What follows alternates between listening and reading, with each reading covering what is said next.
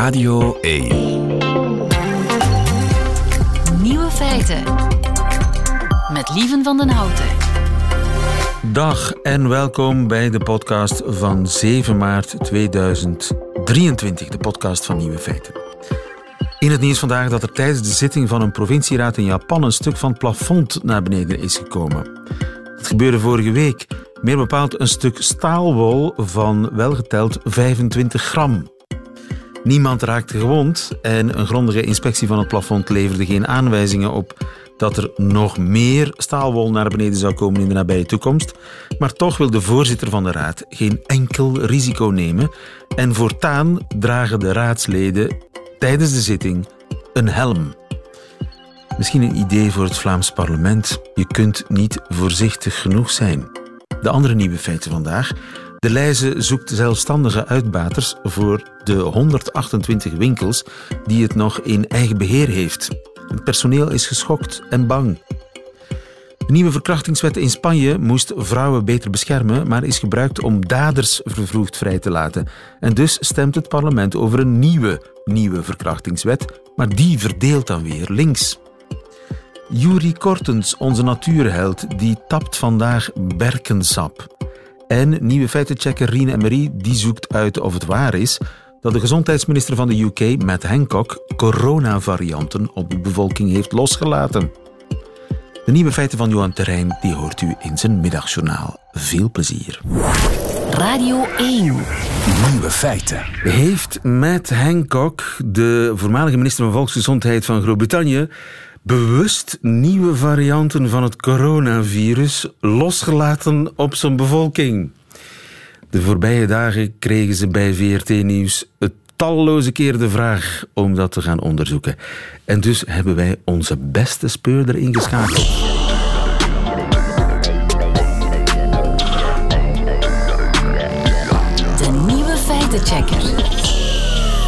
Een zaak voor de nieuwe feitenchecker Rien Emery. Goedemiddag. Goedemiddag. Mag ik eerst eh, even een van de berichten citeren die we gekregen hebben? Beste VRT. K- Kunnen jullie checken of het klopt dat minister Hancock aan een ambtenaar heeft gevraagd wanneer de nieuwe coronavarianten in de markt zouden worden gezet? Ja, Die vraag komt echt binnen. die komt echt binnen en mensen zijn daar zeer bezorgd en kwaad over. En waar komt die vraag vandaan? Wel, wel, wel. Het verhaal begint allemaal bij de ge- eh, WhatsApp-berichten van die Matt Hancock, die vo- voormalige minister van Volksgezondheid eh, van Groot-Brittannië. Ehm, uit de regering Boris Johnson, eh, ondertussen al twee premiers geleden. Hè. Ehm, hij- die Hancock had al zijn WhatsApp-berichten, eh, ja, duizenden en duizenden berichten, miljoenen woorden in totaal, gegeven aan een bepaalde journaliste, Isabel Oakeshott. Gegeven? Om, gegeven, omdat zij hem zou helpen met het ghost, ghostwriten van zijn memoires. Zijn pan- pandemie-memoires als minister van Volksgezondheid. Oké. Ehm, en dat deed ze ook, maar het- recent is ze daarmee met al die WhatsAppjes naar de, de krant The Telegraph gestapt. De conservatieve krant. Mag eh, dat gewoon? ja, dus, dus, eh, ze heeft daar wel een eh, bepaald contract mee verbroken, maar ze zegt van dit is in het algemene belang dat, dat dit allemaal bekend wordt. En Right. ze is daarmee naar de krant gestapt. En de Telegraph is dus de voorbije week al allerlei artikels aan het schrijven gebaseerd op informatie uit die WhatsAppjes. En wat staat in één van die WhatsAppjes? Daar staat Matt Hancock, die inderdaad aan zijn eh, politieke medewerker vraagt van when do we deploy the new variant? Wanneer zetten we de nieuwe variant in? Oké. Ja. Dus dat is Maar- echt waar. Dat, is, dat wordt niet betwist. Die, die app bestaat. Die zin, die zin is echt eh, uitgesproken, allee, uitgesproken, getypt in WhatsApp en verzonden. Maar natuurlijk de context. Ehm, de context is als volgt. Dit is een, een bericht uit december 2020. En op dat moment had men net in Groot-Brittannië de, de, de alpha-variant van het eh, coronavirus ontdekt. Ondertussen zitten we al voorbij Delta en bij Omicron, maar toen was het de alpha-variant, de eigenlijk eerste echte grote besmettelijkere variant van het originele Wuhan-virus dat er oorspronkelijk was. We zitten Die nog alpha-variant vroeg in de pandemie. Wel vroeg, het was december 2020 al. Hm? Ja, ja. Maar we was aan het wachten op de vaccins die er net nog niet waren, of net wel waren. Ehm, maar men eh, had nog allerlei regels in, eh, die, die van, van toepassing waren daar, lockdowns en zo, eh, in Engeland. En men had bij de regering dus de informatie al gekregen van er is een nieuwe besmettelijke variant, de alpha-variant, de Britse variant noemden we die in het begin ook, of de Kent-variant, de- naar, naar het graafschap waar die voor het eerst ontdekt was. En... ehm, Hancock, uit al die berichten die nu gelekt zijn, daaruit blijkt dat hij voornamelijk bezorgd was om ja, ehm, compliance. Dus dat mensen de regels volgden en dat natuurlijk dan de, de, de cijfers, de besmettingscijfers naar beneden zouden gaan, et cetera.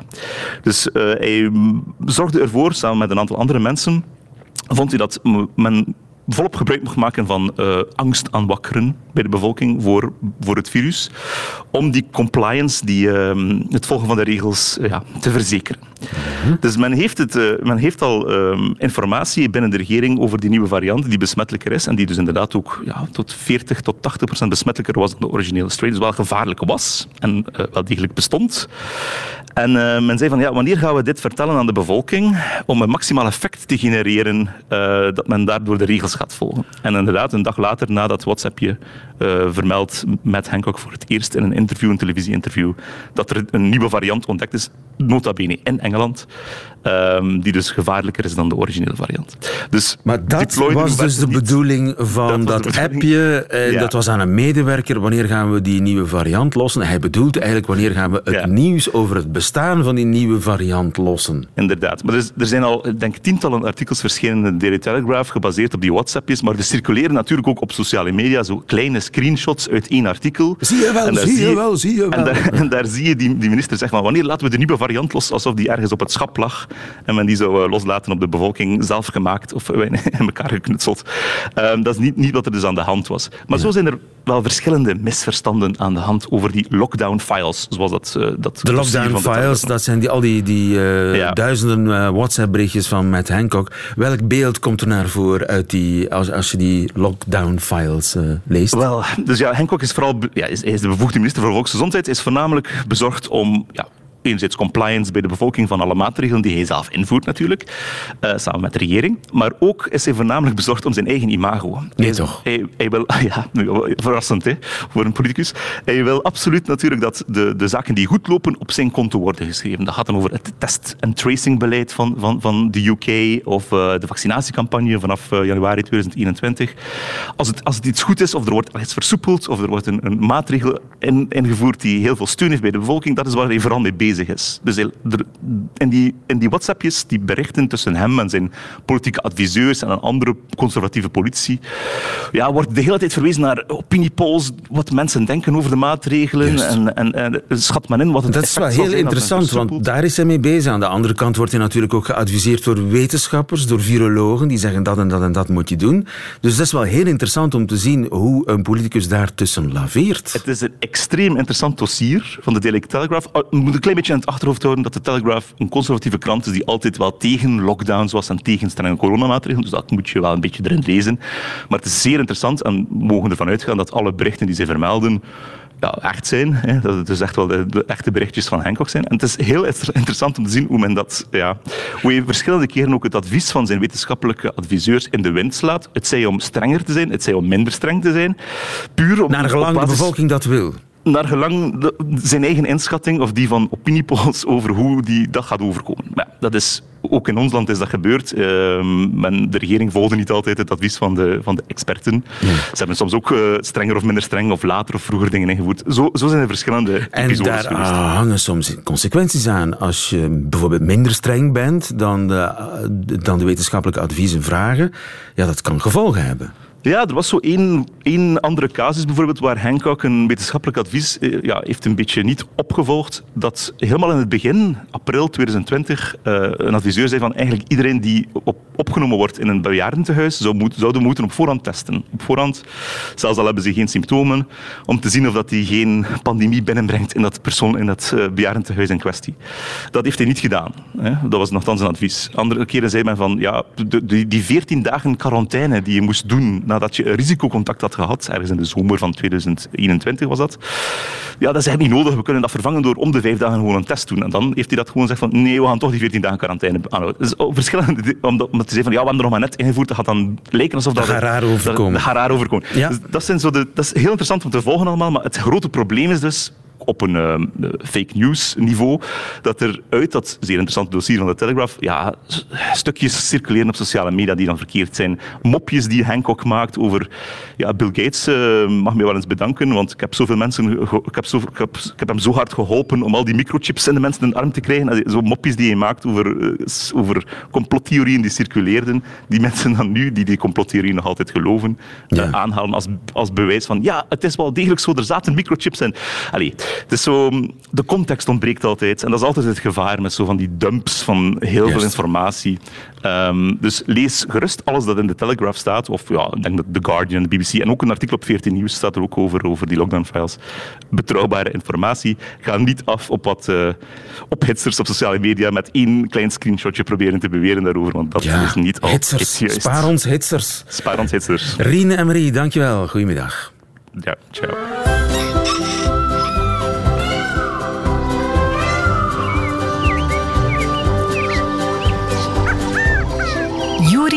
Buiten. Met Juri Kortens. En zelfs in dit gure weer, hè, Juri Kortens, mijn natuurheld. Goedemiddag, Juri. Goedemiddag. goedemiddag. Juri uh, Kortens van Natuurpunt. Waar ben jij en wat ben je aan het doen?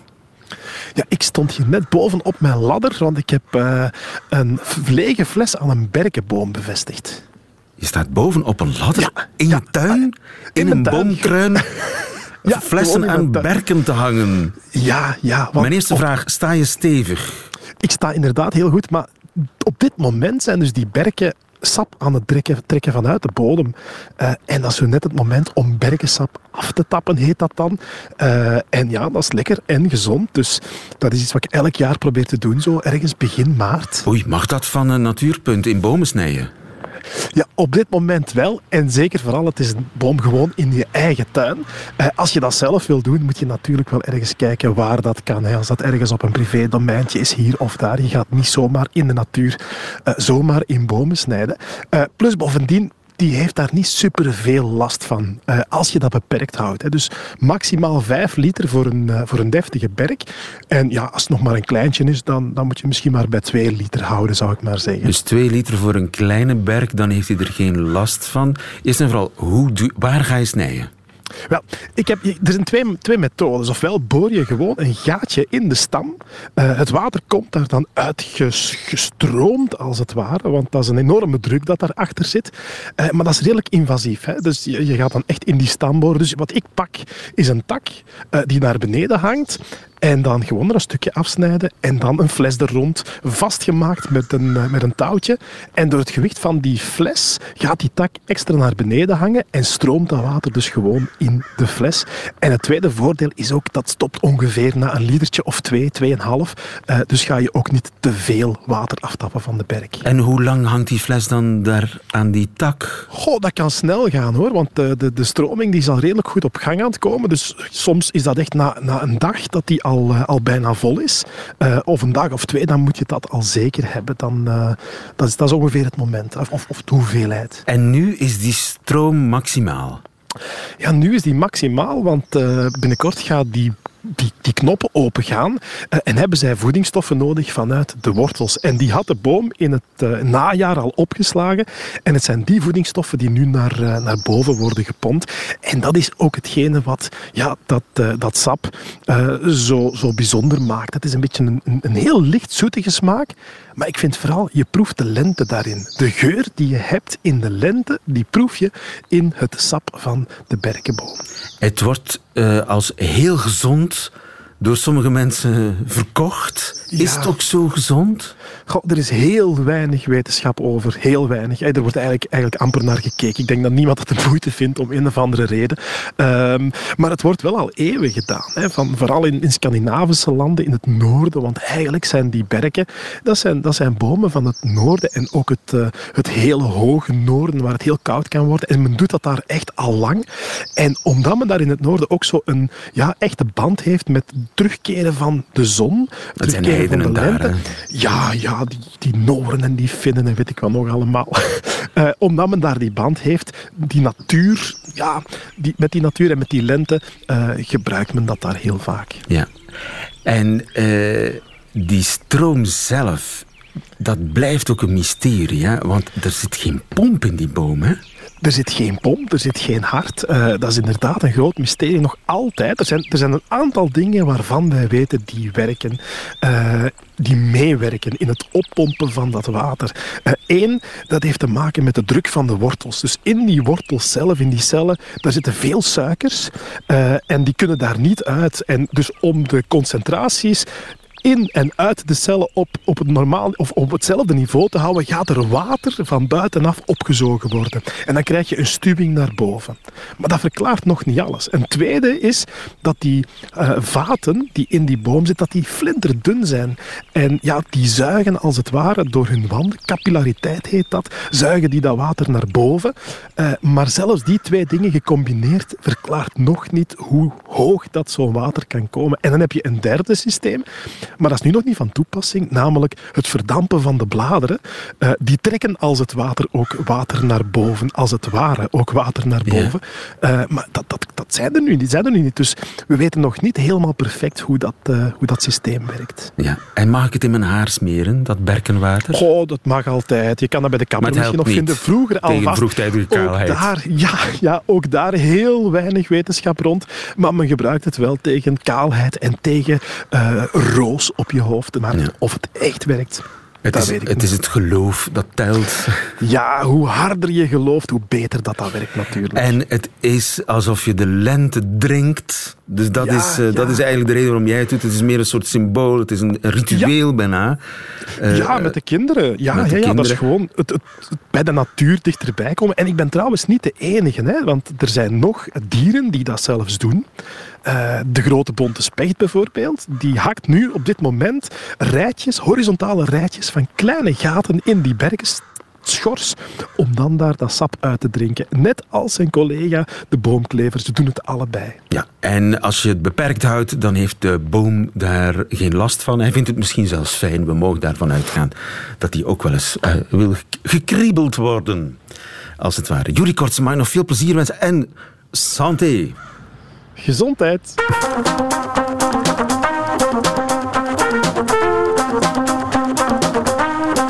Nieuwe feiten.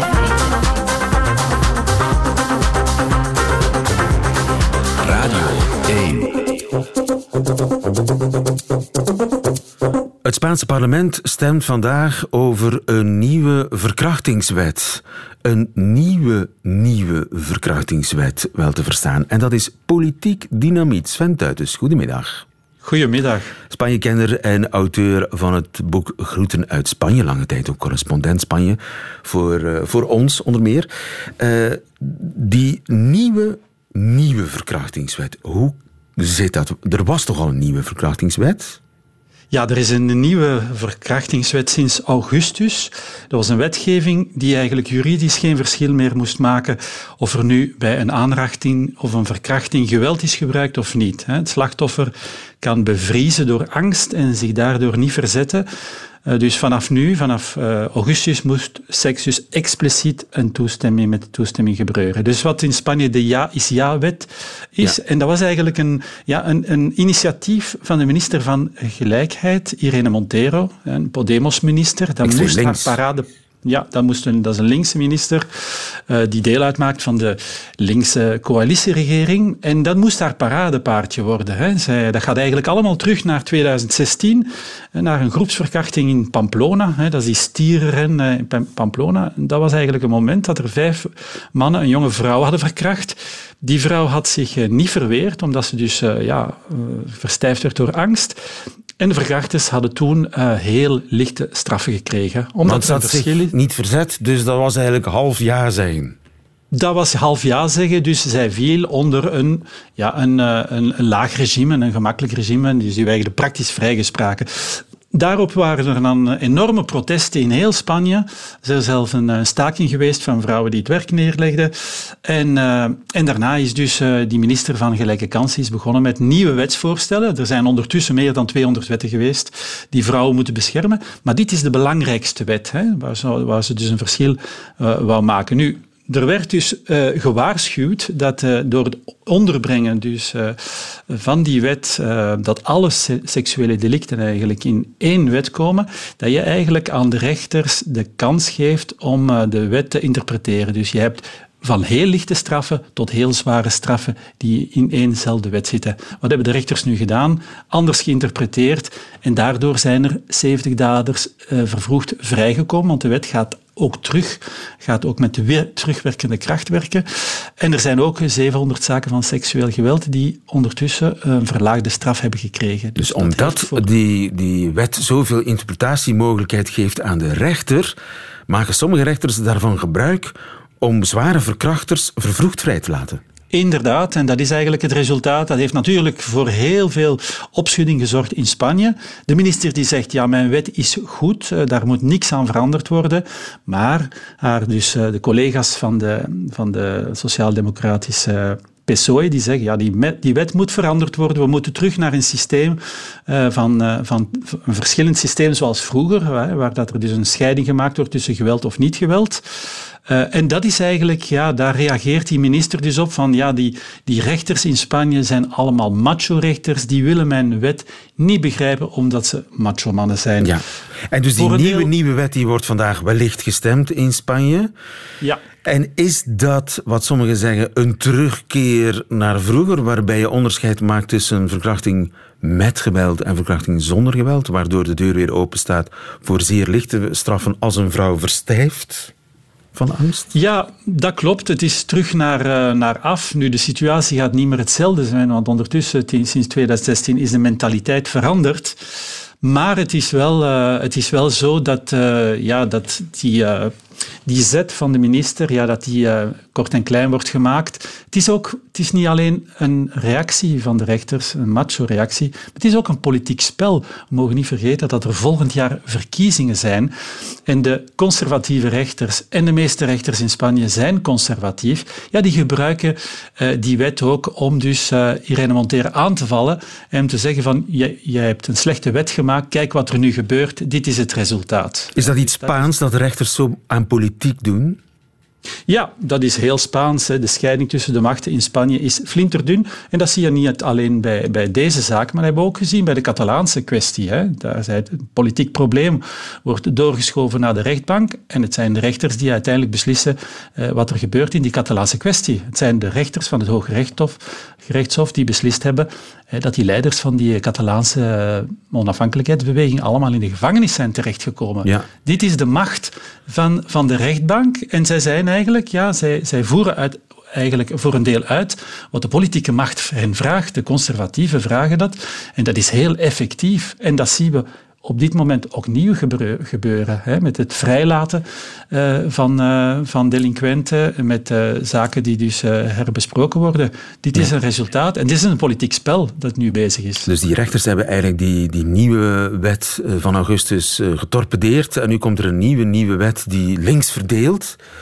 Dus ja, en straks zijn de verkiezingen. Hmm. Ja, en dat komt natuurlijk goed uit hè, bij die verkiezingen, want dat, ja, ze willen natuurlijk tonen, rechts wil natuurlijk tonen dat die linkse regering dat die niet werkt. En die hebben dus verdeeldheid gezaaid. En daar is natuurlijk verdeeldheid. Want binnen het linkse kamp uh, wordt er nu een strijd uitgevochten voor de stem van de vrouw. En uh, die, die vrouwenbeweging, die heel sterk is in Spanje, veel sterker dan in veel andere Europese landen, ja, die is nu verdeeld. Die moet nu gaan beslissen voor wie ze gaan stemmen. En dat is nu het, het grote probleem, vooral nu dat, uh, ja, dat die verkiezingen eraan komen. Het is ook symbolisch heel pijnlijk wat er nu gebeurt, want uh, we staan net voor de internationale dag van de rechten van de vrouw en dan wordt er morgen, een, ja. Uh, ja, dat is morgen. En dan wordt er zo'n wet gestemd waarin het resultaat zal zijn dat, ja, de, dat rechts, rechts gaat, die, gaat de, de, de, steunen, gaat de socialistische uh, partij steunen. En dat gaat dus een nederlaag zijn voor uh, Irene Montero en het extreem linkse Podemos. Sven Tuitens, dankjewel. Goedemiddag. Graag gedaan. Radio 1. Nieuwe feiten. Het rommelt flink bij de Leize. Els Breugelman, goedemiddag. Goedemiddag. U bent professor retail en marketing aan de Universiteit van Leuven. Bijna 100 de Leizes hebben deze ochtend, daar hebben deze ochtend de werknemers het, het werk spontaan neergelegd omdat ze er niet mee eens zijn dat hun winkels door zelfstandigen voortaan zullen worden uitgebaat. En dat werd vanmorgen, dat die zelfstandigen voortaan die winkels zouden uitbaten, werd uh, vanmorgen bekendgemaakt bij De Leize. Waarom doet De Leize dat? Ja, even voor alle duidelijkheid. Het gaat over 128 winkels die gaan moeten verzelfstandigen. En een heel aantal hebben hun, uh, ja, hun, hun uh, activiteiten stopgezet als staking, als protest. Ja. En die 128, zijn dat alle de Leijze winkels die nog in eigen beheer worden uitge die nog door de Leijze zelf worden uitgebaat?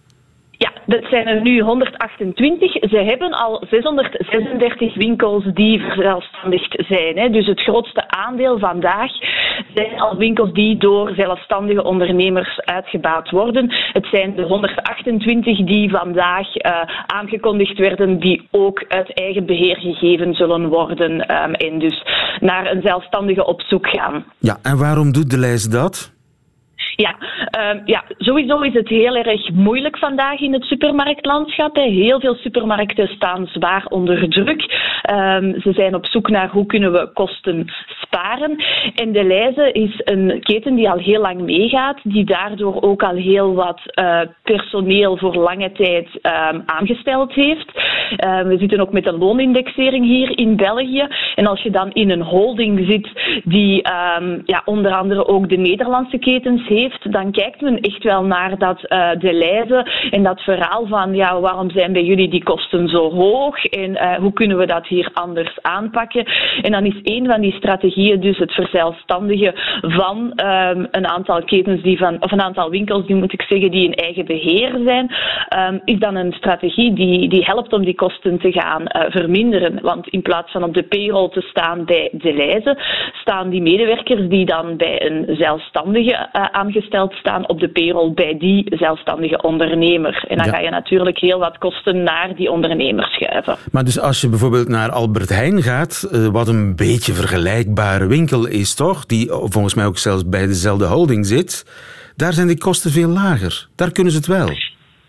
Ja, die hebben uh, veel, hele andere cao's. Hè. Die hebben hele andere afspraken en uh, voorwaarden met uh, hun personeel gemaakt. Um, en die werken bijvoorbeeld heel veel met jobstudenten, om maar iets te zeggen. En daardoor kan je natuurlijk um, die lonen um, een stuk lager houden. kan je ook ja, veel flexibeler werken, om maar iets te zeggen. En dat is een beetje de zoektocht die de lijzen vandaag voert, hè, door ja. die zelfstandige basis uit te werken. Nu, ik hoorde net toch de lijzen zeggen in het nieuws van 12 uur dat er aan de arbeidsvoorwaarden van het personeel niet zal worden veranderd.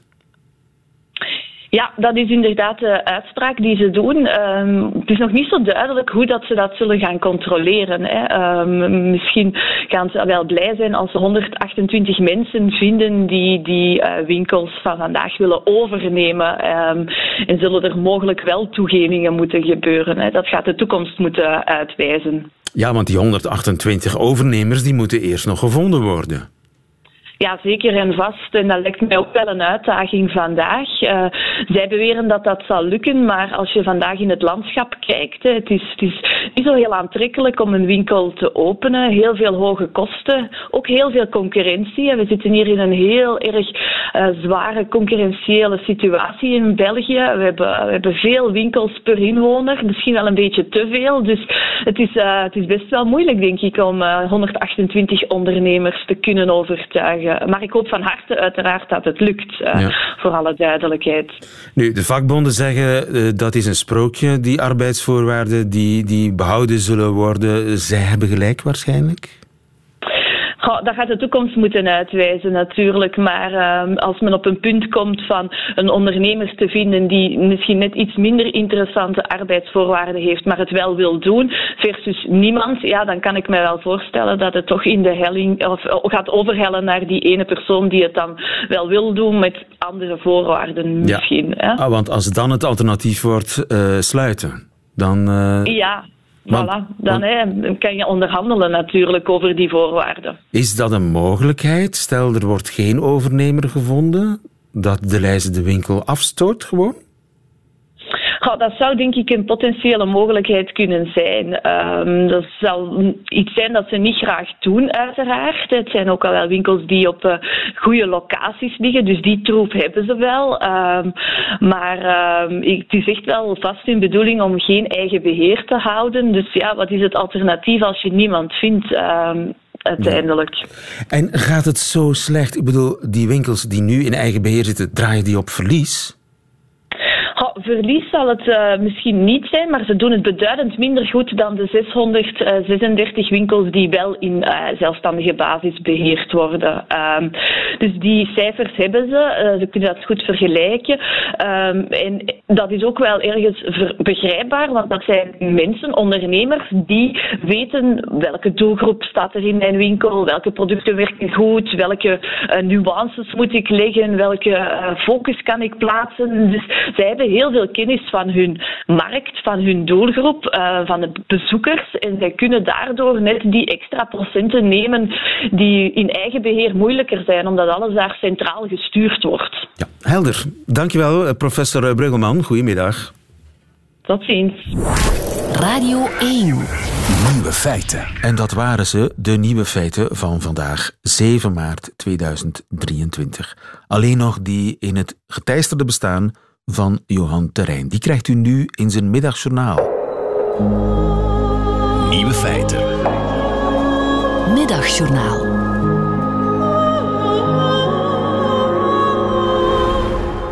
Beste luisteraar. Ik hoorde het de getalenteerde zanger Duncan Lawrence zeggen vlak na een televisieoptreden. Hij was zo in zijn nummer opgegaan dat er zelfs na afloop nog enige vibrato in zijn stem waar te nemen viel. Hoe dat zo kwam, vroeg de presentator. Wel, zei hij, ik geloof dat het belangrijk is om unaniem jezelf te blijven. Ik moest luid glimlachen. Ik zag het namelijk in een flits al helemaal voor me. Deze man die ochtends vergadert met al zijn persoonlijkheden. En de vraag die zich stelt is, wie zullen we vandaag eens zijn? En na een rondje gekissenbis dus alle stemmen in zijn hoofd, slagen ze er toch telkens weer in om unaniem te beslissen, ook vandaag blijven we onszelf. U hoort dat ik er aanvankelijk een beetje lacherig over deed. Ik maakte er een karikatuur van. En misschien komt dat wel omdat jezelf blijven een goede raad is eh, die je wel eens om de oren vliegt. Waarbij ik dan stevast moet denken: je kan alleen maar jezelf blijven, er is geen andere optie. Maar unaniem jezelf blijven. Het klinkt te goed om een toevallige slip of de tong te zijn en dus bleef die uitspraak door mijn hoofd spoken.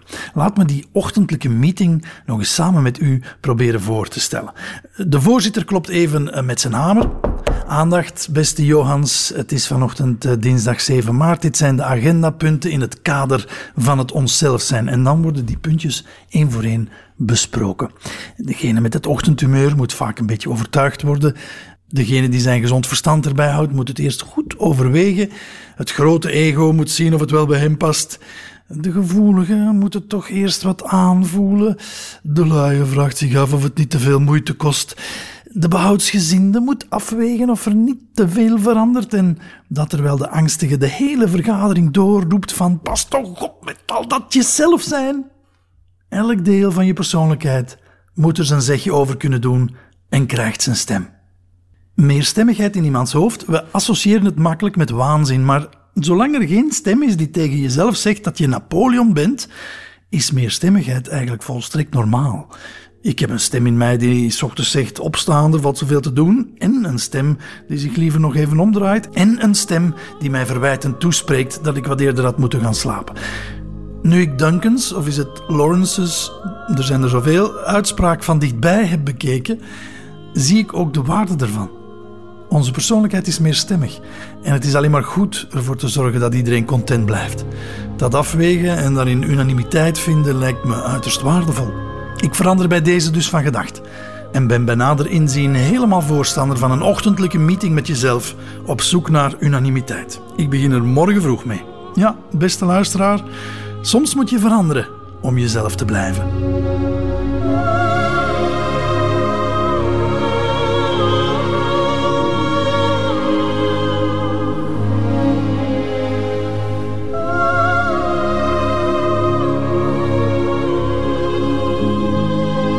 Middagjournaal met Johan Terrein. Einde van deze podcast. Hoort u liever de volledige nieuwe feiten met de muziek erbij? Dat kan natuurlijk elke werkdag live tussen 12 en 1 op Radio 1 of on demand via de Radio 1 app of website. Tot een volgende keer.